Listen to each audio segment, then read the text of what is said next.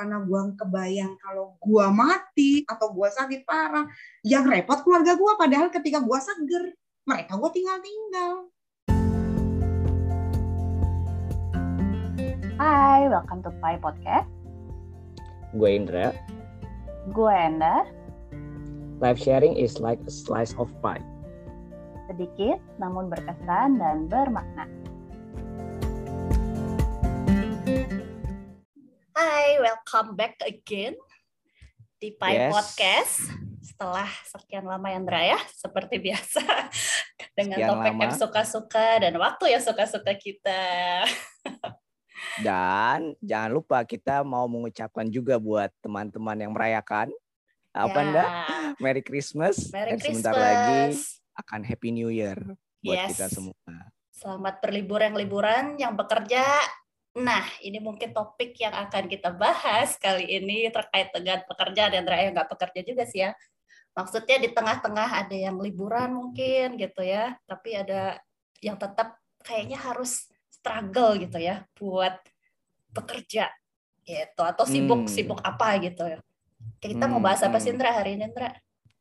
Nah, sebelum kita mau bahas apanya dulu, ini kita termasuk eh, special slice kan Daya hari ini ya? Yes, Special yes. slice loh. Oh iya iya, iya. Special slice. tentu saja. Kita Kenapa nggak berdua special lagi. slice? Pastinya kita nggak cuma berdua doang nih kali ini. Dan kenapa kita akhirnya pengen ngangkat topik ini? Karena pastinya related banget sama kita semua. Temanya Mhm. tentang balancing. Balancing udah kayak ban aja ya balancing ya. Balancing life gitu. Balancing life. Dan ini juga tema yang kita angkat di akhir tahun ini karena diharapkan kita juga dan juga teman-teman para penikmat bisa lebih balance nih.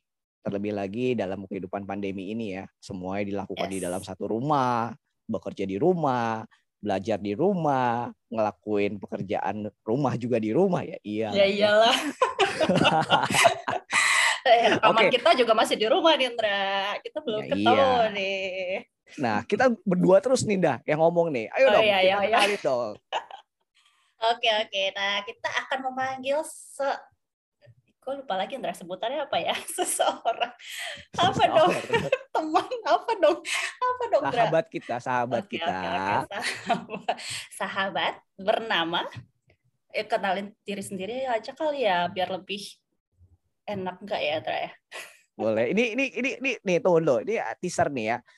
Kita cuma ngomong berdua nih berapa menit ini. Ntar begitu eh, sahabat kita ngomong ini pasti akan Panjang. banyak mereka ngomong, panjang ngomongnya. Yuk, silakan. Oke, Silakan oke. untuk, Oke, boleh eh, nggak? sahabat Siap. Ya, kelihatan banget kalau Boleh diperkenalkan nama, em, umur perlu nggak, Indra? Perlu lah ya, biar tahu lah ya. Kisaran aja. Kisaran, kisaran, kisaran aja. Sudah berkeluarga atau belum? Jawab. Dan kesibukannya apa? Oh iya. Silakan. Halo semuanya, saya saya konon kabarnya sahabatnya Enda dan Indra. Konon kabarnya. Aduh. Kami dikenalkan dalam sebuah keadaan yang terpaksa harus berkenalan begitu ya. Masa sih? Kok, kok gue gak ngerasa terpaksa ya? Nggak terpaksa ya. Gue iya, Indra. Gue iya. Lu ya. Gue iya. Lanjut, saya.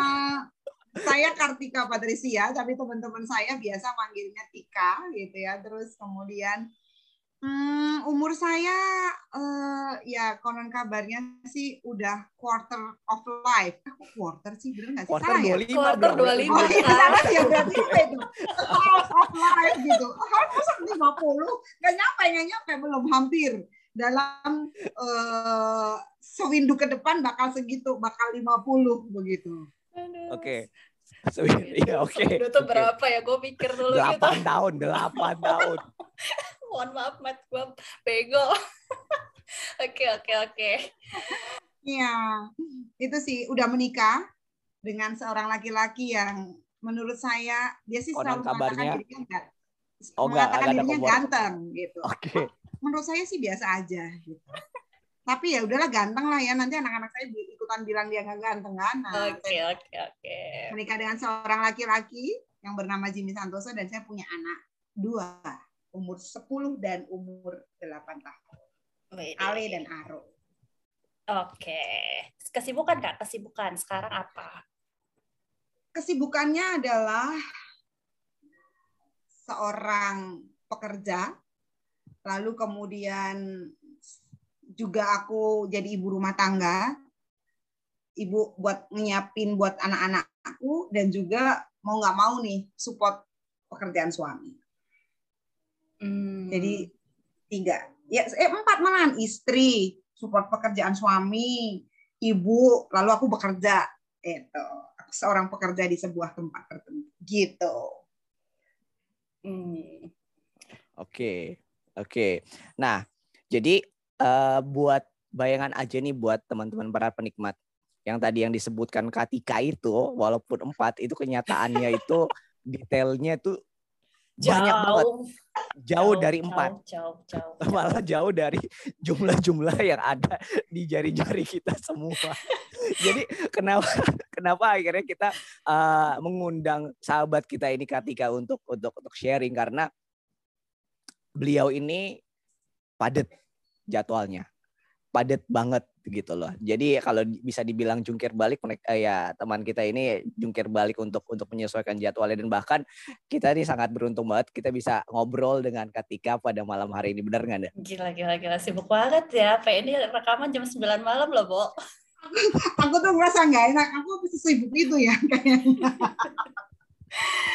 Aduh, eh tapi mungkin biar lebih jelas kali ya pekerjaan yang nggak usah sebut pekerja ya apa apa boleh ya Andra ya? Supaya lebih boleh, jelas gitu ya ya yang dengerin maksudnya uh, apa sih yang dilakukan gitu ya uh, di waktu-waktu kita ngomongin berarti Senin sampai bahkan sampai Minggu ya kalau kerjaan kakak kan ya? Udah gak ada tuh yang namanya hari libur. Nah kan lebih parah lebih parah lagi dari kerja kantoran ini. On call pula gitu ya. On call pula. Nah coba ya boleh diceritain sedikit lah ya apa ya. sih aku tuh uh, apa ya bekerja dalam sebuah institusi yang mana lebih banyak mendampingi uh, kelompok kaum muda begitu ya khususnya usia-usia remaja mulai dari sekitar 12 tahun sampai dengan udah ada yang 20 21 begitu 20 21. Nah, itu sih dan pekerjaannya bukan hanya sekedar seperti seorang guru bukan, tetapi lebih juga kepada bagaimana uh, mendampingi proses uh, perkembangan mereka begitu ya, baik secara psikologi maupun mau dikatakan juga spiritual begitu, mendampingin mereka. Yang notabene itu tadi ya, kalau aku bilang on call ya emang suka on call gitu ya, karena benar-benar yang uh, bisa nggak kak ngobrol jam sekian gitu. Dan sekalinya ngobrol itu ini apa karena aku ya? Kan sekalinya ngobrol nggak bisa cuma cuma cuma satu jam gitu. Kadang tuh ingin ku batasin cuma satu jam aja tapi masuk ya begitu ya begitu. Itu sih itu salah satu pekerjaanku. Jadi bagaimana aku menjadi pendamping bagi kaum muda di sebuah institusi tertentu gitu. Hmm. yes yes yes. Nah kalau tadi lo bilang bahwa lo mendampingi kaum muda eh, bayangan kita pastinya enggak eh, cuman segelintir orang ya kak ya pasti mm-hmm. sekelompok orang dan mm-hmm. itu terkait dengan pastinya kalau lu mendampingi tadi lu bilang bahwa mendampingi terkait dengan perkembangan spiritual dan juga uh, psikologi mereka pastinya lo akan lebih melihat satu persatu pendampingan itu. Itu kita ngomongin baru satu area pekerjaan lo, belum hmm. lagi ngomongin soal meeting, ngurusin, gitu ya? iya meeting dan segala macam, belum ngurusin rumah lo sendiri, belum lagi tadi lo bilang lo support uh, suami lu pekerjaan suami lu juga ya gitu ya dan uh, bayangan gue terkait dengan pekerjaan suami lu juga pasti ya uh, agak agak mirip nggak terkait dengan pekerjaan sehari-hari lu yang tadi lu bilang itu kak? Mirip, mirip. Tapi kalau kalau gue kan terbat dibatasi oleh kelompok usia ya. Kelompok hmm. usia gue cuma ini. Kalau dia semuanya gitu, all hmm. in gitu. Hmm. gitu. Hmm. Dan uh, meskipun all in dia juga dapat tanggung jawab juga untuk ngedampingin kaum muda gitu. Yang mana hmm. bicara soal ngedampingin kaum muda itu kan kita suka nggak bisa kemudian membatasi uh, dalam relasi berrelasi kita gitu kan. Kadang mereka kemudian datang ke rumah, yang kemudian datang ke rumah tuh bisa uh, karena mereka butuh shelter, butuh tempat buat mereka ngobrol begitu ya. Dan itu nggak cuma sejam dua jam yang sering sih kalau mereka datang jam 1 siang mereka bisa pulang jam 11 malam. Oh, wow. Oke. Serius? Oke. Oh, wow. Oke, oke, oke, oke. Maksudnya? Wah, maksudnya Oke, lu ini- kan punya ini buat- keluarga gitu. Iya, iya, iya, iya, iya. Ini buat para penikmat ini eh, Katika tuh reaction nodding terus nih. Karena kondisi tadi karena teman-teman kan nggak bisa ngelihat apa yang kita lihat Iya ya. iya Jadi iya iya. Katika tuh mengangguk dengan keras ya. Kayak lanjut kak, lanjut kak, lanjut. butuh Iya. di- Iya iya iya iya. Itu yang itu yang terjadi gitu ya. Bahkan kadang bisa gini loh, bisa kadang bisa mereka datang berombongan atau kalau enggak mereka nggak datangnya berombongan. Mereka datangnya eh, satu orang tapi setiap hari itu selalu ada yang datang di rumah kami gitu. Jadi ya at least aku berarti harus masak lebih jauh lebih banyak karena eh, kan nggak mungkin ya. Eh kalian beli makan sendiri ya kan nggak mungkin begitu. Jadi ya udah kayak makan gitu. Terus ya anakku juga jadi ikut berelasi dengan dengan uh, mereka gitu. Tapi nggak hanya itu gitu. Itu kan salah satu bentuk support ke suamiku gitu ya. Nah nanti dia masih punya tanggung jawab yang lain yang kadang juga masih butuh support dari aku gitu. Seperti Iya dalam bentuk bentuk teknologi gitu ya. Misalnya dia Hmm. harus membuat eh, tayangan-tayangan tertentu. Misalnya dia harus bikin video ini itu segala macam. Yaitu eh, aku menolongnya dalam hal pengeditan dan seterusnya. Begitu. Oke. Wow, nah ini Gua- ini gua jadi speechless Londra. eh, oke, eh, gue tuh kayak eh, ngedit video gitu ya. Ngedit Instagram konten tuh kayak apa aja ngedit. time kan ya, next time ya. Ngedit podcast aja udah. Gua nggak kebayang. Gitu. Ini baru baru baru ngomongin dua area ya, Nda ya. Baru ngomongin dua area, area terkait dengan pekerjaan lo, area terkait dengan pekerjaan lo yang mendampingi tadi ya, tadi mendampingi suami lo dan area lagi masih soal jadi seorang ibu. Yo betul. Oke, jadi seorang ibu. Nah, tadi ada tuh Belum pertanyaan istri, Enda. belum istri. Nah, belum istri. Belum istri. Belum istri. No, belum istri ya Betul. kan? Nah, Betul. Gimana nyambung tadi tuh, Kak? pertanyaan Enda Mm-mm. tuh. Cara, nyambung maksudnya pertanyaan Enda. kan banyak banget tuh ya cara bagi waktunya tuh gimana gitu kalau tiba-tiba ada yang tiba-tiba datang terus misalnya nih ya anak kakak kan tadi kalau nggak salah usia 10 sama berapa ya 8. 8 nah mereka kan mungkin mungkin masih butuh didampingin ngerjain tugas sekolah PR atau ulangan gitu kan gimana Atau at least sekedar cerita iya pengen betul quality time bareng gitu-gitu kan. Eh, aku sih aku tuh gini. Oh, kebetulan aku tipe orang yang begini. Lu yang sekolah, jadi lu yang harus tanggung jawab dengan semua sekolahmu. Dan meskipun kadang kan, ya tapi kan aku masih ini mama enggak. Kamu bisa kok buka handphone mama. Jadi apa tugasnya gitu. Satu itu gitu ya.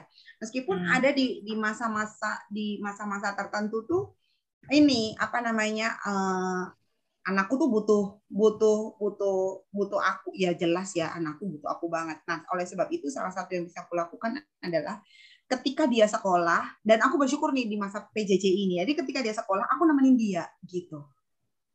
Hmm. aku nemenin dia untuk eh, dia sekolah gitu ya. Eh, jadi ketika dia teri, eh, dia ada apa-apa dia mama ini gitu. Jadi dia, jadi dia eh, bisa ngobrol sama aku. Kalau di sekolah kan dia ngobrol sama temannya jadi kalau di rumah ya dia ngobrolnya sama aku gitu. Ketika sekolah ketika lagi sekolah gitu. Hmm. nah jadi ini juga jadi salah satu kekhawatiranku nih ketika nanti PJJ mereka juga khawatir nanti kalau aku udah sekolah di sekolah aku gimana dong peluk-peluk mamanya gitu. Ya nggak bisa. Hmm. receh banget ya. Bukannya apa tapi gimana dong peluk peluk mamanya nggak bisa gitu. Atau itu aku sih paling me- berusaha semaksimal mungkin ketika mereka sekolah aku nggak ke mana-mana. Nah Ya. persoalannya kan kadang sulitnya gini ketika mereka sekolah aku harus pergi ke satu tempat karena terkait dengan pekerjaan nah itu yang yang suka jadi eh, pergumulan sendiri gitu. Karena aku tuh pengen tahu percakapan mereka apa gitu sebenarnya. Hmm. oleh sebab itu ya aku gunakan aku suka ngecekin eh, apa Discord mereka gitu ya. Lalu aku jadi aku tahu percakapan anakku yang nomor satu tuh apa gitu dengan teman-temannya gitu sih jadi aku lebih lebih ke situ ngebagi waktu untuk ngedampingin mereka terus kemudian juga kadang aku tuh jadi tidurnya larut malam gitu karena aku berusaha untuk masih punya waktu untuk ngobrol sama suamiku Hmm. gitu. Dan itu kan ketika ngobrol sama suamiku, aku harus nunggu anak-anakku tidur. Belum aku juga harus nidurin anakku.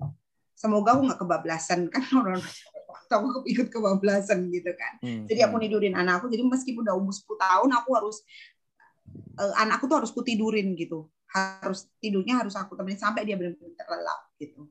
Nah lalu kemudian lalu kemudian eh, aku mesti punya waktu buat ngobrol sama suamiku. Nah eh, pagi-paginya jangan dibayangkan terus aku bangunnya pagi banget enggak aku bangunnya nggak pagi tetap aku bangunnya siang tapi Bay- bay- bayangan gue jangan bayangin gue tuh bangunnya pagi tapi gue nggak tidur Benar juga. gue bisa loh dari jam jam 2 jam setengah tiga pagi tapi buat nonton film atau baca novel karena gue butuh itu butuh me time Me butuh time. Nah itu juga tuh ya relasi sama suami, sama anak, diri sendiri. Tapi gimana gue butuh itu. Ya gue gue tetap bangunnya siang. Dan pokoknya eh, apa namanya aku bangun siang dan kemudian aku butuh waktu barang 15 sampai 30 menit atau satu jam untuk diriku sendiri. Saya itu ya udah gitu. Nah untungnya aku punya suami itu kagak yang gini mesti ada harus ada sarapan. Ih untungnya nggak begitu gitu. Dia bisa mandiri mencari sendiri sarapannya bahkan anakku juga. Tadi aja Indra sampai kamu makan apa? Iya, telur doang. Anaknya mau telur doang makan. Oke. Nah kak eh, kalau tadi kita dengerin dari pembicaraan kita para penikmat juga pasti dengerin bahwa udah kebayang ya bahwa bagaimana crowdednya kehidupan lo. Dan gue percaya dan gue yakin juga Enda juga eh, kebayang bahwa nggak ada manusia yang sempurna dan gue Hmm. yakin bahwa dalam menjalani kehidupan lo dari empat poin kerjaan eh, mayor lu yang tadi lu sebutkan nggak mungkin empat empatnya berjalan paralel dan semuanya fine. Pasti ada yang dikorbankan. Kita ngomongin prioritas kak. Let's say contoh gue pengen dengar cerita dari lu. Let's say gini tadi kan lu bilang bahwa ada ada anak lu yang memang harus lu tidurin. Mm-mm. ya kan? Nah tapi tadi lu juga cerita kalau misalnya ada orang yang datang dari jam satu siang bisa sampai jam 11 malam. Bahkan jam 12 bahkan jam 12 nggak mungkin dong anak lu eh, nungguin lu sampai selesai jam 12 terus dia baru bisa bobo dan lu juga kesian anak lu kan. Dan pasti itu nggak bisa berjalan secara paralel. Oke oke aja dua baru dua hal kita ngomongin. nah gue pengen dengar cerita lu gimana cara lu ngelihat kondisi kayak gitu dan lu ngejalanin? Apakah lu ada prioritasnya atau memang ada kesepakatan di awal biar dua-duanya berjalan smooth? Misalnya lu ngomong bahwa lu harus ngapain atau gimana? Bisa kasih tips nggak buat kita kita gitu? Kalau itu terkait dengan anak-anak muda yang didampingi oleh suamiku maka ketika dia sampai larut malam gitu ya aku yang akan meninggalkan gitu. Aku nggak akan nemanin anak-anak muda ini tapi aku akan ninggalin buat anakku gitu kalau ya- itu. Tapi kalau ketika itu terkait dengan pekerjaanku ya aku akan beri eh, ngomong sama dia bahwa aku nggak aku nanti eh, ada online jadi aku nggak bisa nemenin kamu gitu. Dan akhirnya pilihannya adalah mereka tetap nungguin aku gitu. Kalau bapaknya nggak ada kalau bapaknya ada pekerjaan lain mereka pasti akan nungguin aku gitu. Hmm. sampai mereka itu selalu setiap sore selalu bertanyanya hari ini mama ada zoom online gak gitu. Itu pertanyaan sehari-hari pertanyaan wajib. Jadi gitu. Jadi kalau ditanyain ada ada yang aku korbankan adalah itu tadi eh, anak-anak itu. Gitu. Anak-anak yang mereka datang gitu pasti aku aku pilih untuk oh, udah tinggalin. Tapi kalau kemudian nanti di dalam pekerjaanku pun kadang aku juga lebih memilih sama anak-anakku sih gitu. Karena aku juga punya pergumulan soal anak-anak anak-anakku gitu ya. Anak nomor satu itu juga nggak mudah bergaul jadinya ya aku merefer diriku zaman dulu aja gitu. Dan ketika aku zaman dulu tuh aku juga susah bergaul bisa aku nggak punya teman gitu.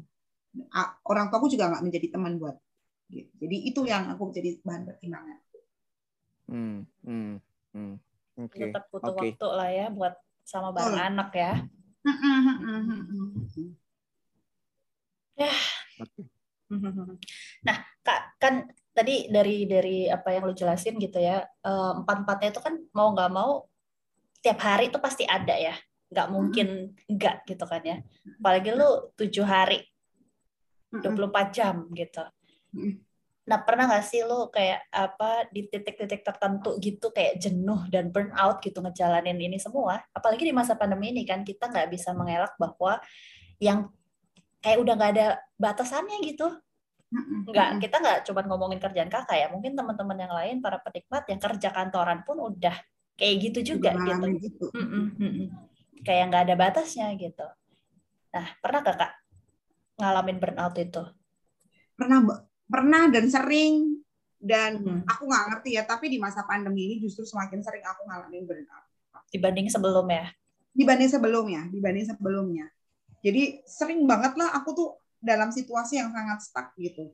Dan ketika udah situasi sangat stuck itu gitu ya, satu karena loadnya besar begitu ya, ya menurutku sih besar ya eh, Hmm. di dengan di, di di pekerjaanku ini belum aku ngedampingin gitu ya. Kadang-kadang aku ngerasa stuck dan ketika aku stuck itu aku suka nggak bisa memanage emosiku gitu.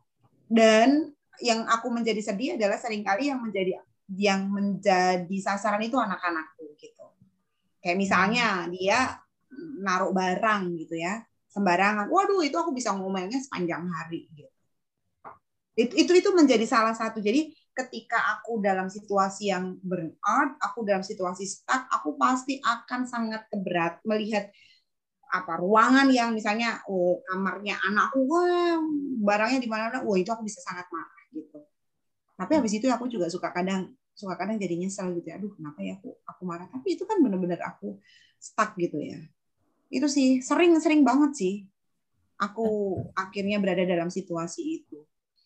Terus gimana tuh kak cara atasinnya? Kalau sering Nah, dulu-dulu aku tuh gini, pilihannya adalah apa ya? Aku jalan gitu kan. Cuma belakangan ini aku nggak pilihannya nggak jalan karena kan situasi waktu itu kan sempat tinggi gitu ya. Jadi aku memilih aku nggak jalan-jalan gitu. Aku juga tidak berani pergi ke mall atau apa begitu kan. Kalau memang itu hanya untuk jalan aku nggak. Gitu. Nah, eh, aku jujur aku kehilangan segala sesuatunya sih. Sampai pada satu titik aku memilih untuk yoga gitu. Aku sempat Hmm. eh, yoga aku belajar gitu ya. Terus kemudian sempat juga eh, di masa pandemi ini aku apa belajar sebuah bidang yang ya aku tahu itu bahkan menghasilkan ya udah aku belajar investasi gitu ya di tahun lalu. Sebenarnya aku udah masuk ke dalam investasi tapi aku nggak ngerti lalu kemudian aku eh, makin men- mendalami itu gitu ya. Karena aku merasa aku tuh kalau otakku dipakai kerja keras tuh kayaknya lebih bisa ini gitu ya bisa semuanya tuh berjalan dengan ini. Cuma pada satu titik aku jadi ini jadi kayak apa sih nih aku kok sok sibuk? Kayak nggak jelas kayak begini sih. Jadi aku kemudian mencoba untuk lebih pak bikin jurnal gitu itu itu yang menolong aku sih di masa di, di di beberapa bulan ini. Aku bikin jurnal gitu. Dan eh, belakangan ini selain bikin jurnal aku lagi jadi ini tergila-gila dengan nonton sepak bola. Serius, serius. Tuh, Sebelumnya suka bola emang. Dulu tuh aku sempat suka bola suka se- sepak bola ketika Ale itu masih tiga bulan nah waktu itu Hmm. aku ingat banget banget ketika Ale masih bayi itu kan ada pertandingan Piala Dunia gitu kan nah terus Mm-mm. Hmm, karena aku sangat sangat ekspresifnya, saking ekspresif saking ek- ekspresifnya itu tuh si Ale tuh sampai kaget ketika sampai bangun gitu. Habis itu aku udah nggak pernah nonton bola lagi. Tapi belakangan ini Oke oke oke terus. Kenapa? enggak dia kaget gara-gara lu, lu reaktif teriak, gol "Ah." gitu kan Heeh, heeh. terus dia kaget terus lu jadi Bangun. trauma trauma akan Iya, kekagetannya dia. karena aku- Terus jadi lu Oh, harus oh. nonton lagi. Iya terus gue bener-bener stop tahu beneran jadi pada waktu itu aku ingat banget terus aku nggak nonton lagi gitu aku kadang ngerasa lah kenapa aku jadi kayak gini karena aku tuh kalau nonton sepak bola tuh bener-bener yang fokus Itu. yang kayak nggak bisa keganggu apa-apa gitu loh. Di sisi Nah, lain. Katika yang baru gue tahu nih dia suka bola. Oke, padahal suaminya pemain basket loh. Iya kan? Bukan nonton basket, nonton bola loh. Suami lu juga suka nonton bola. Suamiku cuma kadang-kadang kalau suamiku tuh lebih suka baca beritanya tentang bola. Berarti Dia baca beritanya. AFF yang lagi heboh Iya sekarang. dong, gue nonton, gue ikut sedih ketika si Hasan itu di, di kartu merah gitu. Lu bayangin, bayangin para penikmat di dalam kesibukan yang banyak, Katika masih menyematkan untuk me time bola. Nanti ada bola, pertanyaan nih. Lanjut, lanjut, lanjut, lanjut kak. Jadi dan dan ternyata ketika kapan hari ya itu belakangan ini kan yang nonton AFF segala macam. Dan itu ternyata tuh bener-bener bikin aku fresh banget gitu. Dan itu membuatku keluar dari dari burn aku itu. Karena aku sempat pada satu titik ah apa sih ini hidupku? Gitu loh. Aku udah usia segini kok aku dengan begitu banyak hal yang aku hadapi gitu. Terus ketika aku nonton sepak bola gitu bahkan aku sampai akhirnya tuh membahas sama suamiku gimana situasi di dalam lapangan itu? Tahu gitu tahu saya dingin saya tangannya itu masa sih oh gitu. Terus ngelihat itu gitu. Bodoh ayo cepetan. Wah nggak bisa teriak-teriak gitu. Seru ya. oh seru. bahkan anakku ku paksa ayo sini deh nonton. Kalau nggak suka bosan lo kak, lama soalnya kan main bola, ya kan? tapi dia ngoceh aja untungnya si Arlo ngoceh aja gitu gitu deh Oke oke oke kak. Dari apa yang lu tadi cerita nih ya, gue terbersit satu pertanyaan dan Hmm. mungkin juga buat penikmat yang juga bekerja di bidang kita gitu Hmm. ya, di bidang sosial yang berkenaan dengan manusia pastinya juga relate nih. Mm-mm, mm-mm. Gue pengen denger pendapat lu aja soal Hmm. ini. Kita kan eh, berhubungan dengan orang ya kak ya, kita membantu orang gitu ya. Kita memberdayakan orang dan dalam jang, dalam dalam jumlah yang cukup banyak. Nah, tapi fenomenanya adalah saking kita fokus untuk membantu orang lain, terkadang kita bisa melewatkan apa yang ada di dekat kita karena kita fokus keluar dan banyak fenomena yang terjadi kayak begini, Kak. Dan Mm-mm. semua yang di sini mengangguk-angguk karena pastinya juga aware akan hal ini gitu Yes. ya. Nah, jadi gue pengen dengar dan siapa tahu lu bisa berbagi soal ini. Dan gue yakin dalam pro- proses lu menjalani hidup lu, lu pasti juga ada ada aware-nya terkait dengan hal ini dan pasti lingkungan kerja lu juga ada beberapa yang juga akhirnya dalam tanda kutip jatuh ya karena akhirnya lingkungan terdekatnya sendiri yang tidak terbantu karena dia fokus di luar membantu orang. Bahkan bisa jadi diri sendirinya pun juga nggak terbantu bahkan karena fokus keluar. Nah, lu punya nggak cerita akan hal ini dan lu bisa sharing apa terkait dengan hal ini kak?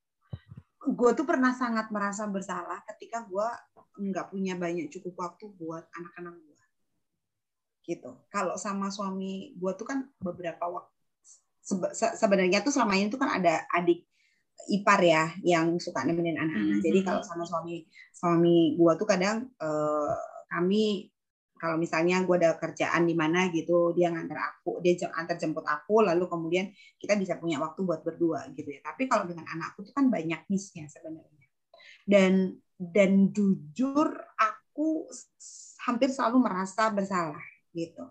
Ketika aku eh, miss banyak hal dengan anakku. Apalagi dulu aku kerjanya nggak yang kayak begini gitu. Aku kerjanya eh, dari jam 7 sampai jam 4 sore gitu. Tapi belum kehitung lemburnya gitu. Aku tuh dulu ketika kerja itu eh, di delapan no, no, no, di sembilan tahun terakhirku bekerja aku bekerja 12 tahun sembilan terakhirku bekerja di sebuah institusi itu aku tuh pulang paling cepat jam 7 jam 8 malam. Gitu. Nah itu kan udah kehilangan masa itu kan lima tahun sampai oh, oh ya aku kehilangan masa bayi anak-anakku lah nah itu yang kemudian ketika sekarang ini aku kemudian eh, juga aku kehilangan waktu bersama dengan anak-anakku khususnya kadang tuh aku merasa bersalah gitu Dan beberapa kali pilihannya adalah apa aku tinggalin pekerjaanku ya, gitu. Apa aku tinggalin pekerjaanku, eh, lalu aku fokus ke anakku gitu. Tapi persoalannya adalah ketika misalnya nih, aku uh, aku fokus ke anakku gitu. Aku sih uh, ya senang-senang aja ketika aku fokus ke anakku. Tapi ada hal lain gitu yang juga jadi pertimbangan pertimbanganku. Ya yang pasti salah satunya aku nggak mau uh, bohong bicara soal uh, perekonomian gitu ya. Jadi aku tetap bagaimanapun juga aku juga harus membantu uh, ekonomi untuk keluarga untuk keluargaku ini dan bukan hanya itu sebab di belakangku masih ada orang-orang yang perlu aku bagi gitu. Aku sih meyakini bahwa dalam berkatku itu ada berkat keluargaku yang lain, keluarga besarku yang lain, sehingga aku perlu melakukan itu. Nah itu sih yang sempat menjadi uh, pertimbanganku. Apakah aku berhenti begitu ya? Meskipun dulu awal-awal aku mau berhenti buat keluarga, gitu, tapi enggak ternyata. Gitu. Apakah aku mesti berhenti? Aku ninggalin dan itu yang kemudian aku coba obrolkan sama anak-anakku yang masih kecil ini, gitu ya.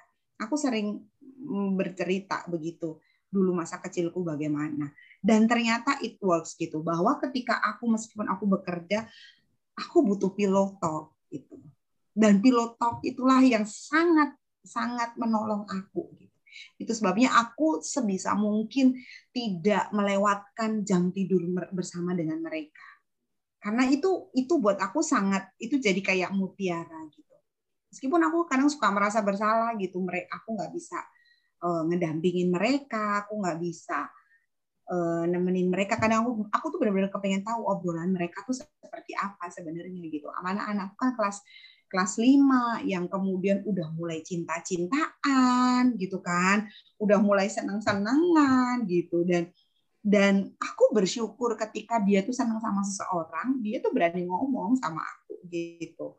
Dan aku senang sih karena itu terjadi di piloto kalau seandainya aku lewatkan pilot talk itu, ya aku nggak akan mendengar cerita langsung dari dia kalau dia tuh suka sama seseorang gitu. Saat itu dia malu, tapi aku cuma katakan ya nggak apa-apa gitu. Semua orang kan oh, semua orang itu perlu untuk mengungkapkan perasaannya gitu. Nggak salah kok kamu suka sama temanmu gitu. Jadi itu sih kadang aku merasa sangat bersalah tapi aku ya posisiku aku harus bekerja begitu ya aku harus bekerja dan uh, karena aku harus bekerja itu aku nggak boleh melewatkan talk itu di setiap harinya jadi pertanyaan wajib kami adalah are you happy today itu selalu menjadi percakapan penutup di hari kami begitu itu sih yang mungkin bisa aku Oke oke oke. Ini bagus banget sih kak mm-hmm. dari apa mm-hmm. yang lo sharingin bahwa maksud gue adalah di dalam kesibukan lo terkait dengan pertanyaan gue lo tetap harus mana yang jadi prioritas lo kan even lo jadi menemukan satu uh, waktu satu mutiara yang tadi lo bilang itu di mana itu jadi suatu hal yang berharga yang membuat lo tetap punya koneksi yang kuat sama anak-anak. Mm-hmm. Kalau kita ngomongin tadi uh, pergumulan antara keluarga dengan perekonomian dan itu bisa lo komunikasikan juga ke anak-anak lo it's very good itu very good banget sih. Very good banget sih. Meskipun aku kadang suka ngerasa bersalah ya karena anak pun masih 10 tahun gitu. Tapi aku satu hal yang aku pengen tanamin ke dia hidup tuh susah gitu. Nggak ada makan siang gratis. Ini bukan bukan kemudian kamu nggak percaya ya sama Tuhan Tuhan akan menolongmu begitu ya. Enggak enggak enggak enggak enggak reali, realitanya nggak begitu gitu. Iya, aku percaya ada Tuhan yang akan mencukupi semua kehidupan kami. Tapi lu juga harus berjuang gitu. Poinnya adalah aku cuma mau mengatakan kepada anakku, kami orang tua tuh berjuang untuk menghidupi kalian. Kelak kalian yang harus berjuang untuk hidup kalian sendiri gitu. Dan hidup itu nggak mudah cuy, dimulai dari rumah gitu punya orang tua yang nggak muda juga kayak gue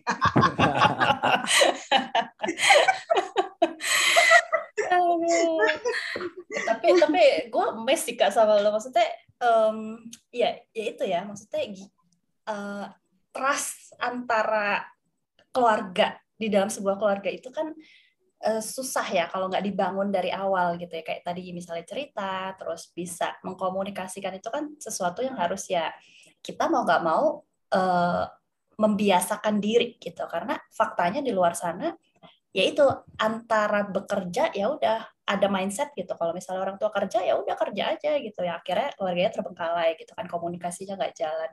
Nah lu masih bisa menyimbangkan tuh antara komunikasi sama kerjaan itu tuh tetap jalan dua-duanya. Nah apa sih yang paling penting kak menurut kakak di dalam di dalam itu tuh menyeimbangkan kalau bahasa orang-orang tuh work life balance ya? Gitu. Yang paling penting apa sih? kalau aku ya uh, dalam yang paling penting itu komunikasi ya. Karena aku sempat punya bad communication sama suamiku. Oh, Beneran. pernah juga. Gimana tuh Kak? Gimana Kak?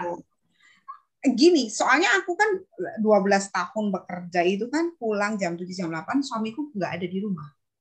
Kan? Suamiku pekerja hmm. gitu. Dia punya jam kerja yang 24 hours gitu ya, on call gitu. Jadi ya jarang ketemunya gitu. Ketemu malam jam ah jam setengah sepuluh dia baru pulang. Setengah sepuluh dia baru pulang lalu kemudian eh, aku juga udah lelah dong kerja gitu ya. Kerja terus eh, ngobrol sama anak-anak aku udah tidur dalam kondisi aku udah tidur gitu. hmm. dia suka bangunin aku buat ngajakin ngobrol tapi aku udah capek gitu. Paginya paling dia nganterin aku nganterin naik motor gitu. Dia nganterin aku nah kami sempat ngobrol itu ya cuma 20 3 30 menit lah. Habis itu udah jadi kami punya bad communication gitu. Hari Sabtu ketika kami punya waktu ketemu lebih banyak bertengkar. Gitu. Liburan itu kadang menjadi aku libur gitu ya. Itu kadang menjadi situasi yang cukup menegangkan apa yang akan terjadi ya pertengkaran apa lagi yang akan terjadi sempat sempat dalam situasi yang kayak begitu gitu sampai pada satu titik kami uh, kemudian mencoba untuk belajar mengkomunikasikan apa yang kami rasa dan itu ternyata nggak mudah gitu. Ketika aku kemudian ya kalau kita berkomunikasi itu kan sering kali kalau aku ya lebih pada gini, e, lu kok nggak ngertiin gue sih? Gue itu kan udah kerja, bukan gini kayak gini gini gitu loh. Lebih ke situ. Padahal sebenarnya uh, iya kalau dia kayak begitu kan dia ngerasa tertuduh ya, ngerasa tertuduh dan ketika salah satu menjadi submisif gitu ya, menjadi tertuduh atau apa gitu, itu kan udah komunikasinya udah nggak I and you tapi I and it gitu. Nah itu yang kemudian membuat komunikasi kami benar-benar jelek gitu. Uh, ditambah aku jarang bareng sama suamiku gitu ya karena kesibukan kayak masing-masing. Nah itu sih sampai ya justru di pandemi inilah kami kemudian banyak banyak banyak ngobrol gitu ya dan aku juga jadi sedikit uh, ter terkaget-kaget oh ternyata suamiku kayak begini gitu. Dan ternyata eh, ketika aku menyampaikan apa yang aku rasain gitu ya menyampaikan perasaanku gitu itu kadang juga ternyata cara bicaraku masih melukai suamiku gitu. Cara komunikasiku di kantor kadang itu ke bawah gitu zaman dulu gitu. Cara komunikasiku ini apa ya eh, eh, ngerusak begitu. Jadi itu aku punya bad communication sempat punya komunikasi yang buruk dengan suamiku. Nampak baik-baik aja, semuanya baik-baik aja, tapi sebenarnya, aduh, itu kalau disentil aja, begitu. Sempat kami punya situasi begitu. Tapi ya ini tadi, aku bersyukur di masa pandemi ini justru um, suamiku tuh banyak menceritakan banyak hal ke aku. Terus uh, dia, karena dia bukan tipe yang meledak-ledak seperti aku begitu ya, dan dan kemudian ya kita jadi sama-sama belajar komunikasi. Kami sama-sama uh, belajar untuk saling membuka diri dan itu ternyata membuat kami ini. Kalau dulu tuh ya aku kan salah satu hal yang aku suka tuh kan urut gitu ya. Urut urut massage, urut, massage, urut. oh urut. Oke oke oke. Aku suka sembunyi sembunyi karena aku nggak mau dia gimana? tahu.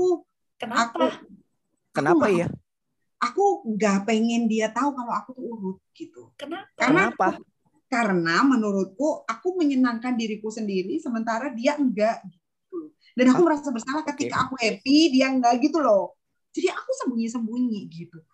Tapi ternyata suamiku tuh nggak begitu gitu. Aku tuh juga suka sembunyi-sembunyi kalau misalnya dulu tuh aku suka sembunyi-sembunyi kalau ketemu sama temanku gitu. Aku suka sembunyi-sembunyi. Aku nggak pengen dia tahu aku ketemu sama temanku. Bukan karena temanku laki-laki nggak, tapi karena aku nggak pengen dia tuh tahu kalau aku lagi hahaha gitu. Gitu. Aku pengennya ini gitu. Tapi kemudian ternyata ternyata suamiku nggak kayak begitu. Suamiku tuh orang yang bahkan uh, ke sana kamu urut karena dia tahu aku suka urut udah sana kamu ini gitu terus aku boleh nggak ngobrol aku pengen ketemu ini nih aku mau ngobrol boleh nggak ya udah sana nggak apa-apa gitu dan dia nggak pernah yang kemudian kepo udah jam segini pulang. Apa enggak nggak pernah. Gitu. Nggak pernah gitu. Nah itu tuh hal kayak hal yang itu. Dan itu yang kemudian menolong aku tuh jadi jadi apa ya ya udah jadi lebih lebih bisa ngerti waktu gitu. Mana waktu untuk diriku, mana waktu untuk anak-anakku, mana untuk ini. Dan suamiku tuh ya kalau misalnya nih nggak tahu ya ini nyindir atau enggak ya, tapi kalau misalnya aku udah kebablasan lagi baca novel, aku kebablasan baca novel terus begitu ya. Suamiku tuh enggak yang kemudian bilang sama aku, "Say, berhenti nonton uh, baca novelnya tuh anak-anak gitu." Enggak, dia enggak begitu. Dia tahu aku baca novel terus begitu, dia kemudian yang ini, "Yuk, kita ke atas yuk yuk kita ini gitu jadi dia yang melakukan untuk aku dan itu yang kemudian membuat aku oh oh gitu ya. Oke aku berarti harus ini gitu. Sih. Jadi komunikasi menolongku untuk akhirnya bisa belajar untuk oh, bagi bagi waktu gitu. Mengatur waktu hmm. dan dan strict dengan waktu yang itu. Sekalipun yang enggak berhasil enggak selamanya baik-baik saja sih komunikasinya. Karena aku masih tetap orang yang sama yang sangat meledak-ledak dan ekspresif dan kadang-kadang ledakan-ledakan itulah yang membuyarkan semuanya. Oke, oke, oke, oke, Kak. Banyak banget sih ini baru sebentar kita ngobrol mm, uh, banyak banget yang kita dapat. Tapi gini, Kak. Tapi begini, Kak. Gue tertarik sama kisah lu saat yang lu ceritakan berarti ada dua dua fase nih kehidupan lu. Fase lu yang sekarang di mana lu akhirnya berbalik dan dan triggernya adalah komunikasi dan lo akhirnya melihat uh, kehidupan keluarga lo itu jauh lebih penting dibandingkan kehidupan lain di luar dengan keluarga lo dan akhirnya lo dalam kondisi saat ini yang which is memang kita mengundang lo untuk bisa berbagi hal itu. Tapi gue juga yakin bahwa teman-teman penikmat yang mendengarkan kita bisa jadi masih berada dalam fase di mana lo bekerja dengan sangat giat. Mm-mm. Yang tadi lu bilang, gua nggak tahu deh itu di mana perusahaan lu kayak parah banget ya itu ya kacau kayaknya sih itu jam 7 pagi sampai jam 7 malam gitu kayak gua nggak kebayang gitu ya. Tapi tapi tapi gue menarik, gue pengen sebelum gue bertanya lebih jauh kak, gue pengen lu lu gue pengen melihat diri lu yang pada waktu itu, apakah lu bisa menilai diri lu itu sebagai orang yang workaholic? Nah istilah ini yang penting nih dan gue pengen ngebahas ini juga dan jadi jadi buat teman-teman yang ngerasa workaholic ini bisa jadi ada impactnya enggak gitu loh dan ketika lu kan bilang dari setiap hari gitu ya weekdays lu kerja bahkan lembur dan bahkan di weekend pun juga lu masih ngerjain itu apakah memang lu pada waktu itu orang yang termasuk workaholic kak? Aku sih enggak gini. Kalau aku melihat diriku lalu kemudian apakah gejala-gejala workaholic ya itu pada ada padaku karena gini nih dulu tuh sempet ya sampai aku cuti aku bawa laptop. Oh my god serius? Parah banget sih. Liburan kayak liburan bawa laptop oke. Okay. baiklah terus aku cuti satu tas isinya buku karena aku mesti siapin sebuah presentasi. Setelah aku cuti gitu. Hmm. Jadi karena kami nginep di satu hotel, jadi satu tas itu, jadi di hotel itu setembuk buku semua gitu, terus aku ngetik gitu. Lu ngapain cuti? Cuman fisik lo aja ada gitu ya, yeah. tapi otak sama aku lu tuh tetap kerja. Dan pada waktu itu aku merasa I'm fine gitu. Oke. Okay. Hmm. Aku merasa bahwa ya itulah seorang karyawan mesti kayak begitu gitu seorang pekerja tuh mesti kayak begitu gitu sampai pada satu titik aku kemudian begini eh, aku ngerasa gitu ya aku kok kayaknya berlebihan ya gitu. Aku kok dengan dengan dengan pekerjaan ini tuh kok kayaknya aku benar-benar put myself in di dalamnya tuh gila-gilaan gitu. Sementara ya untuk keluargaku aku gitu-gitu aja. Terus aku hanya berpikir begini.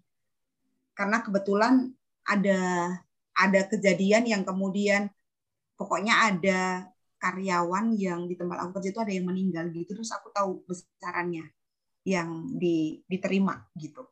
Orangnya juga workaholic gitu. Besarannya aku tahu begitu terus aku cuma berpikir gini gila ya kalau gue mati eh, anak-anak gue dapat apa ya? Dapat uang misalnya kalau gue mati anak gue dapat uang 100 juta gitu ya dari dari tempat kerja gue gitu. Terus uang satu juta itu kan cepet ya habisnya ya. Buat sekolah mereka ya kalau mereka pintar berinvestasi bisa dapat satu m. Lah kalau mereka enggak kalau mereka nggak pintar berinvestasi dapat apa? Dapat ya, ember. Jadi ya jadi aku mulai berhitung-hitungnya seperti itu gitu. Jadi aku mulai berhitung-hitungnya gila kalau gua mati ya mungkin saat itu mereka akan wah menilai Kartika Patricia adalah karyawan yang ini itu segala macamnya. Itu pada saat upacara uh, ini apa tuh uh, kematianku gitu wah semuanya pada kirim bunga gitu kan. Kan ada yang kirim jarang yang kirim bunga bang masa pada masanya itu kan. Kirimnya buat bunga siapa? apa buat siapa juga lu gue gua kagak ngicipin pula gitu kan. Ya kan? Gue kan kagak ngicipin itu uang uang uang uang TP apa itulah pepau itulah uang uang pepau pepau kagak kagak ngicipin kan yang ngicipin anak-anak gua, keluarga gua, belum kalau nanti mereka bertengkar gitu kan. Gua tuh pikirannya cuma kasih itu aja. Kalau gua mati, anak gue bangga nggak ya? Atau mereka malah rebutan duit yang gue tinggalin yang nggak seberapa itu, gitu. Atau misalnya kalau kalau mati mah mending udah hilang gitu ya. Terus anak gue ya udahlah bingung sih, ah, aku nggak punya mama, gitu kan paling kayak gitu. Terus hidup mereka ngeblangsak atau apalah begitu. Papa ceritanya gitu ya kan kayak gitu. Atau kalau misalnya nih, gue sakit, amit-amit nih ya, gue sakit parah perusahaan tempat gua kerja ngasih gua apa? Oh iya, ngebantu. Tapi kan ada batasnya, ada di satu titik nanti udah habis platform buat kamu, plafonnya buat kamu ini.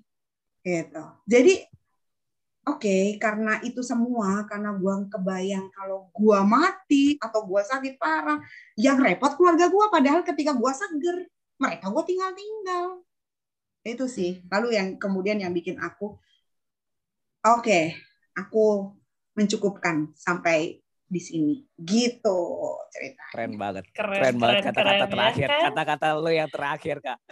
Lu pas lu lagi kerja lu tinggalin dia. Pas lu lagi amit-amit kenapa-napa lu bakal ngerepotin dia. Itu sih kena banget sih. Keren banget sih. Keren banget. Udah gue speechless dah. Gantian iya, nanya lu sampai terbengong-bengong tuh guys sih dengerin ceritanya? Ya ampun kisah hidup seseorang tuh ternyata gila ya. Kalau kita mungkin ngeliatnya yang sekarang ya padahal nggak tahu ya struggle dulu tuh kayak apa tuh berdarah darahnya kayak apa gitu Iya, iya, iya. Ini benar-benar kayak gue ngerasa bahwa dari sekian perjalanan kita Pai Podcast ya memang uh-huh. ini sih yang benar-benar yang yang ya setiap setiap episode kita memang merefleksikan perjalanan masing-masing ya, masing-masing dari apa yang kita bicarakan dan ini beneran slice-nya banyak banget nih dari Katika terkait dengan kehidupan dia full yang bisa kita. Full pie kali ini full iya, pie. Bukan slice lah ya. Mantep, mantep, mantep, mantep. Lanjut dah. Oke, nah kalau gitu gini kak, ya ini deh, maksudnya kita melihat fenomena sekarang gitu ya, generasi-generasi sekarang tuh kan kayaknya uh, nggak bisa memungkiri lah teknologi makin melek, terus ya itu tadi ya pekerjaan tuh kayaknya nggak ada batasnya gitu. Lu ngelihatnya gimana sih kak? Kata produktif itu sebenarnya? Aku di masanya yang tadi itu ya, yang cuti bawa laptop, bawa buku segambreng gitu ya. Di masanya aku merasa menjadi orang yang sangat produktif. Dan aku menjadi marah ketika lihat orang nggak produktif. Sebenarnya itu iri aja sih. gue menjadi sangat marah ketika lihat orang cuma hmm, duduk-duduk menikmati hidupnya gitu ya. Gue sangat pernah pernah di masa itu gitu. Lalu gue mengatakan gue produktif, gue lebih baik gitu. Tapi ketika gue ngelihat lebih dekat lagi gitu ya, sebenarnya gue nggak produktif sih, tapi gue nggak punya fokus dalam hidup. Kenapa? Karena field yang gue pegang itu dalam pekerjaan gue itu tuh empat hal atau ya empat hal yang berbeda yang aku pegang semua tanggung jadi tanggung jawabku semua lalu aku kerjain semua dan pada masanya aku mendapati keempatnya itu parah gitu. Karena buktinya misalnya kalau itu kemudian menjadi sebuah monumen yang sangat bagus gitu ya itu menjadi sesuatu yang berhasil mestinya pekerjaan gue itu sampai hari ini orang yang meneruskan gue di tempat gue kerja gue yang lama maka dia akan kemudian uh, oh ya uh, dulu tuh kayak gini jadi mesti di, di, di, dilanjutkan kayak begini gitu ya hanya segelintir aja gitu yang kemudian bisa dilanjutkan. Yang lainnya nggak bisa di, di, dibongkar sama semua orang yang ngegantiin ngegantiin gue gitu. Gue nggak mau bilang ya orang baru kan selalu berusaha untuk oh apa ya yang lama selalu jelek gitu. Nah bisa jadi emang jelek emang beneran jelek aja gitu. Makanya orang baru bisa ngeganti gitu. Dan, dan itu nggak nggak ini gitu.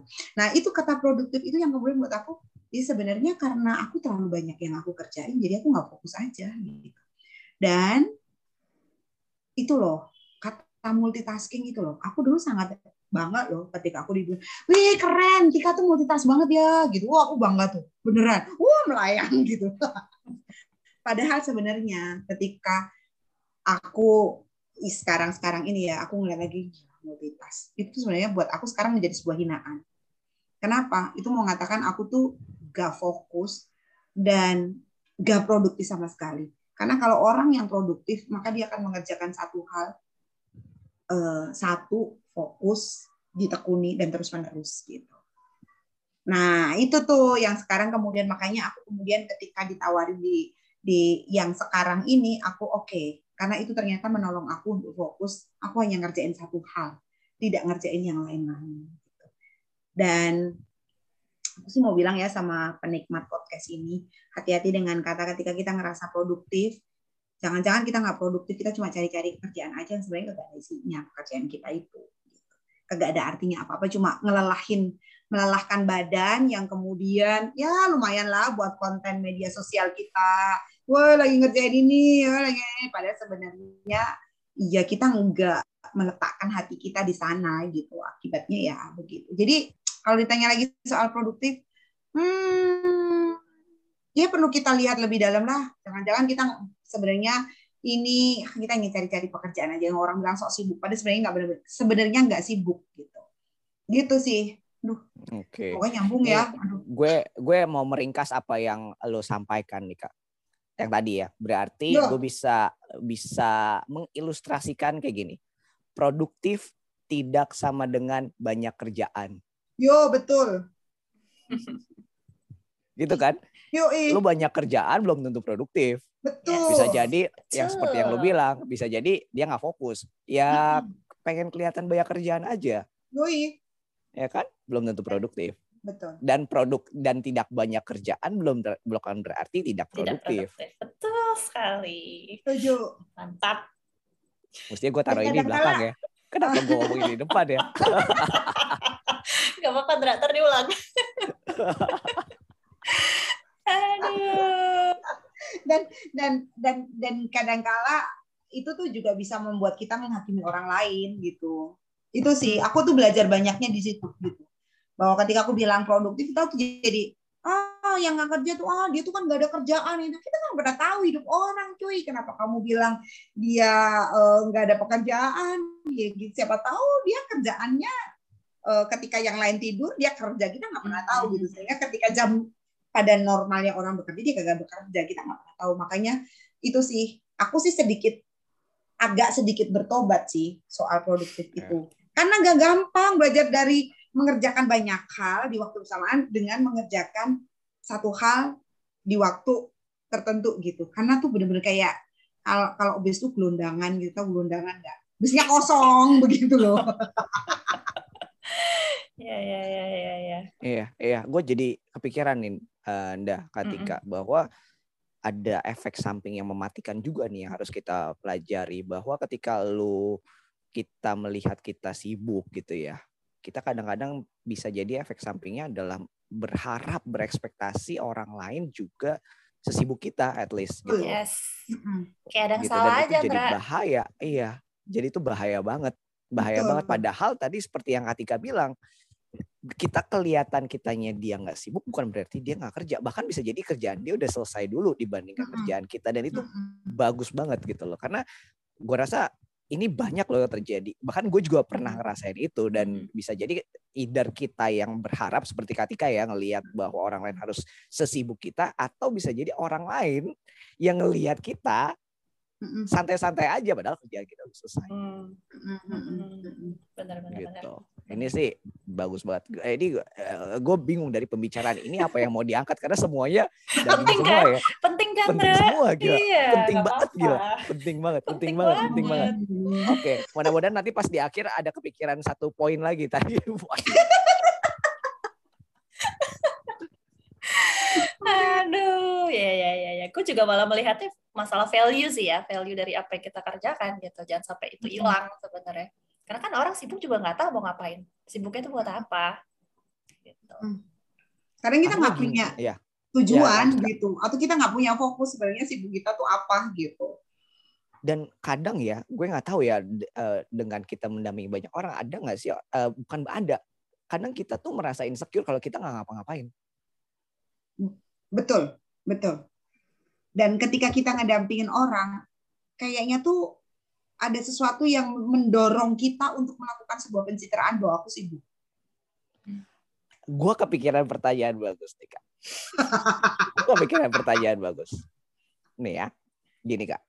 Di saat fase lo yang pertama yang lu sebegitu sibuknya dan lu berubah ke fase kedua yang lu akhirnya bisa fokus, gue yakin 150% lu pasti ngalamin di mana lu ngerasa bahwa kok gue jadi minim ya kerjaannya, kok gue jadi lebih loose ya, kok gue jadi kerasa bahwa kok nggak ada kerjaan gitu. Iya nggak sih lu ngerasain kayak gitu nggak sih? Nah, lu apa yang bisa lu sharingin soal ini? Gini, karena dulu kan gue kerjaan gue terkait dengan sebuah produk ya, gitu. Jadi ada ada bar, ada barangnya begitu. Jadi kelihatan gitu empat bidang yang bekerja itu masing-masing tuh ada ada barangnya itu gitu. Ada bentuknya, ada wujudnya, ada buku, ada ini, ada itu, ada kurikulum, ada ini, ini segala macam ya kelihatan gitu. Nah ketika sekarang ini aku fokus itu kan nggak ada wujudnya. Ditambah lagi nggak ada wujud ya kak? Iya, ditambah lagi nggak ada wujudnya gitu kan. Yang ada ngabisin waktu gitu, Hmm. gitu. Nggak ada wujudnya dan itu yang kadang eh, membuat gua tuh jadi kayak gini. Ini gua tuh kerja bener nggak sih? Akibatnya apa? Gua ngelakuin hal-hal yang nggak penting lagi gitu. Hmm. Di itu tuh kemudian gua misalnya nih ya, gua eh, karena terkait dengan eh, ngubungin ke- terkait dengan relasi dengan orang gitu ya, gua tuh sampai yaudah deh itu gua aja, ya udah nggak apa-apa nanti entar aku aja. Ya Malah nggak ngambil apa-apa, kerjaan ya kak ya. Sampai belakangan ini ada yang satu orang yang kemudian ngomong gini, kak ingat nggak sih, gua tuh lu tuh awal-awal di sini tuh gue cuma lihat kayak gini, gila nih ketika kayak gas aja nih semuanya gitu. Sekarang mau lihat ketika lebih santuy gitu. Karena benar gitu, itu tuh benar-benar masa transisi di mana aku Ih, kok gue cuma kayak begini-begini aja ya, gue nggak bisa kalau kayak begini-begini aja. Nah ini nih, gue kan dibayar untuk itu, gue kan dibayar untuk ini. Gue selalu melihat diri gue lewat sejumlah nilai uang tertentu. Itu, yang itu yang kemudian membuat ini ini ini terjadi ketika aku di, di fase yang kedua yang lu bilang kedua tadi ya, Ndra ya. Nah itu itu terjadi di situ sampai pada satu titik no, gue itu kan pekerjaannya on call. Jadi sebenarnya kalau dirupiahin itu eh, Nggak senilai, nggak sebanding. betul nggak sebanding dengan itu. Jadi kenapa kamu harus kenapa kamu harus kemudian mengatakan bukan dibayar untuk nggak gitu? Karena nggak sebanding, karena nggak sebanding. Ngasih telinga, ngasih ide, ngasih ini itu segala macam itu nggak bisa dirupiahkan. Oleh sebab itu itu yang kemudian membuat gue gini, gue tuh lebih berharga daripada duit. Oleh sebab itu ya itu gitu. Jadi aku udah aku fokus aja, aku menikmati aja. Gitu sih. Hmm, hmm, hmm, hmm. Bahkan di fase lu yang kedua lu juga ada pergumulan itu ya kak ya. Hmm. Kan fase kedua lalu pergumulan itu. Hmm. bulan sampai akhir kayaknya ya. Yoi. Nggak tahu ya apa yang akan terjadi depan. Oke, kayaknya udah cukup kali Andra ya. Ini sudah cukup banyak sekali kita membahas dari awal sampai akhir. Tadinya mau bahas apa bisa timbul topik lagi yang baru. Tapi gue senang banget sih, jujur nih. Eh, nanti mungkin ke depannya kita juga akan banyak panggil gitu ya. Tetapi gue banyak dapet insight tentang gimana sih cara menjalani hidup gitu ya walaupun lo kerja tapi relasi itu ya paling penting ya tadi apa komunikasi dan segala macam dan itu menurut gue bisa kita bawa gitu ya di dalam kehidupan kita. Entah mungkin kita udah berkeluarga uh, punya anak atau ya bahkan yang belum berkeluarga dan belum punya anak juga kali Andra ya Iya pastinya. Dan kali ini kalau ditanya gue harus ada closing statement atau kayak gimana nanti kita akan tanya ke Katika terkait yes. dengan closing statement. Tapi yang terakhir yang gue pengen bilang ke teman-teman penikmat dari apa yang Katika pelajari gitu ya. Even kalau kita ngelihat tadi awalnya fase kedua Katika tuh jauh lebih baik dibandingkan fase kedua. Emang iya. Tapi itu merupakan suatu proses yang di mana fluktuasinya masih ada. Bahkan tadi juga Katika bilang bahwa di fase keduanya pun juga nggak luput dari mm -hmm. uh, kejatuhannya dia juga gitu ya pergumulannya dia juga. Bahkan apalagi ketika dia sudah dalam tanda kutip bertobat ya ngelihat fase pertamanya ngaco gitu ya dia juga ngalamin struggle pasti hmm, pasti, pasti. Banget di saat kita dulunya banyak kerjaan dan dalam tanda kutip banyak kerjaan gitu ya dan kita nggak produktif dan kita fokus kepada hal yang lebih produktif dan mm -hmm. kita bisa melakukan sebenarnya bisa melakukan banyak hal yang lebih baik lagi tapi akhirnya kita tergoda juga kadang-kadang. Kok gue nggak sesibuk dulu ya kok gue nggak nggak nggak se se nggak dulu gue nggak banyak waktu lengang gitu kan ya. Sekarang kok jadinya banyak waktu lengang itu berarti harus tanya harusnya kita syukuri karena kita lebih fokus gitu loh. Itu sih yang pengen gue sharein. Nah terakhir ketika biasanya dari semua yang kita udah ngomongin ada closing statement kak dari kakak. Nah ada nggak yang paling penting untuk kita perhatikan dari apa yang udah kita bicarain dari tadi? Ya ada orang yang suka salah paham denganku ketika aku ngomong ini gitu ya. Aku suka sekali dengan omongan YOLO, hidupmu cuma sekali gitu. Nah, kadang kan orang tuh ngomongnya hidupmu cuma sekali, jadi ya udah nikmat. Betul, aku tuh mau bilang kayak begitu. Hidup kita tuh cuma sekali, kita tuh nggak bakal yang aku hayati kita tuh nggak bakal hidup kedua kalinya. Karena hidupku cuma sekali maka aku nggak mau sia-siain hidup yang cuma sekali ini. Apa itu yang nggak mau sia-siain? Sama orang-orang yang ada di dekatku sih. Itu sih kalau aku. Gitu. Yeah. sestruggle-nya perekonomian kita betul kita butuh duit. Tapi ketika kita lagi ketika kita sakit ya duit seberapa pun akan habis. Tapi orang-orang terdekat kita itu yang akan selalu ada buat kita. Jadi ya nikmatin aja lah hidup yang cuma sekali ini gitu. Bersama dengan orang-orang yang ada di dekat kita. Jadi jangan ragu. Mulai sekarang belajar untuk mengkomunikasikan apa pun yang ada di hati kita. Karena kadang kita suka ber dan jangan terlalu ribut dengan yang ada di otak kita gitu. Kadang apa yang terlalu bising di dalam kepala kita itu yang akan membatasi cara kita berkomunikasi. Jadi hidup kita cuma sekali. Nikmati aja cuy hidup yang sudah susah ini. gila gila gila bener, keren. keren kan Tra bener bener keren bener keren ini gue pengen gue pengen nambahin malah gue pengen gue pengen banget dari apa yang gue jadi insightful banget buat gue ketika jujur gue yakin Enda juga ngerasa yang mm-hmm, sama dan mm-hmm. ini sebagai penutup akhir tahun yang sangat manis Betul. buat kita semua dan gue berharap benar-benar gue berharap banget para para penikmat gitu ya di akhir tahun ini dari apa yang kita bicarakan benar-benar bisa nge-reach orang-orang yes. terdekat gitu yes. loh orang-orang terdekat kita tuh jauh lebih berharga dari apa pun itu bahkan tidak bisa dinilai dari uang jadi beneran kita bener-bener dari pembicaraan Katika kita nggak ada rencana apa pun terkait kita ngomongin soal rich people Yes. sama sekali gitu ya. Tapi ini benar-benar jadi makna paling terdalam dari apa yang kita bicarakan di Ya, malam hari ini. benar, benar. Gitu benar. nah. So thank you banget buat Katika Sama-sama. udah Thank you memberikan ya, udah ngomong panjang lebar ya semoga ini bisa juga gue sih belajar Andra ya, gue juga belajar, gue yakin juga para penikmat belajar banyak ya. Oke, Yes. Ya, jadi eh, nggak bosan-bosannya kita ngingetin gitu ya. Udah beberapa ada yang masuk ke kita, tapi kita ter- terus ngingetin buat teman-teman kalaupun memang ada yang ingin kita bahas atau ada sharing bahkan Mhm. atau kepikiran, Dra, dah kita perlu ngebahas topik ini nih. Feel free aja untuk kontak kita Mhm. di email pypodcastpy at gmail.com atau bisa di IG kita, ndah. di pi.podcast. Oke. Oke. Kita cukup sampai sini saja. Kita bertemu di tahun depan dengan topik-topik yang pasti yang Year. lebih seru. Happy New Happy New Year. Happy New Bye. Year. Bye.